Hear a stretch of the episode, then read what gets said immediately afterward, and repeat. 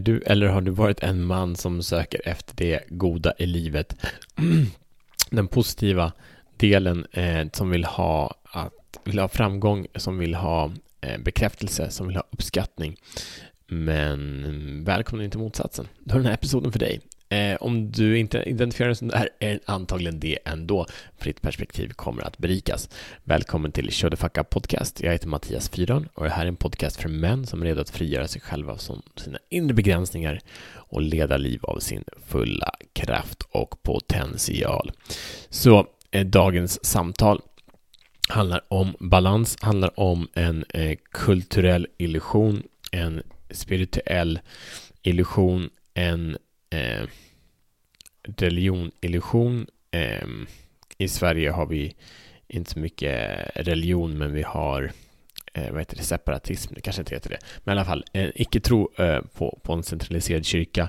Men alla de här idealen skapar bilder om att vi ska vara på ett visst sätt. Vi har många män som är deprimerade, eh, vi har många, över 50 procent av, av eh, män som gifter sig med, med lika många kvinnor, i vanliga fall ibland man och man, eh, eh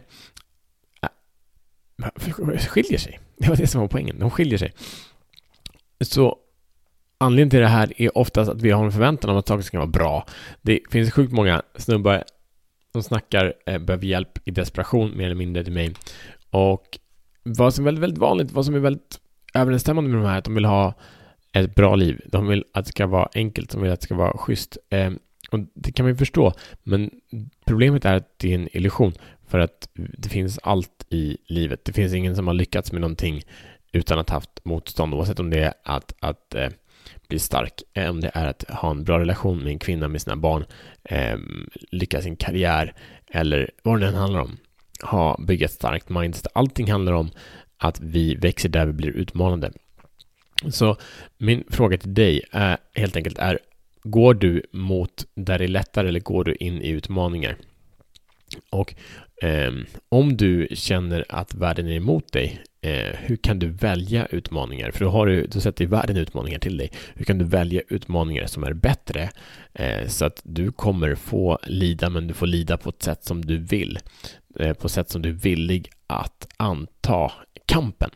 Eh, när vi gör det, när jag gör det, när du gör det, så, så växer vi. Vi växer i självkänsla, vi växer i självförtroende. Vi växer i, i self-reliance, alltså vår förmåga att lita på oss själva, oavsett vad vi gör. Så det är missionen. Missionen är alltså att identifiera var och hur du kan anta utmaningar som du är villig att kämpa för även när det är tufft och börja göra det. Eh, vi ses imorgon som bättre män.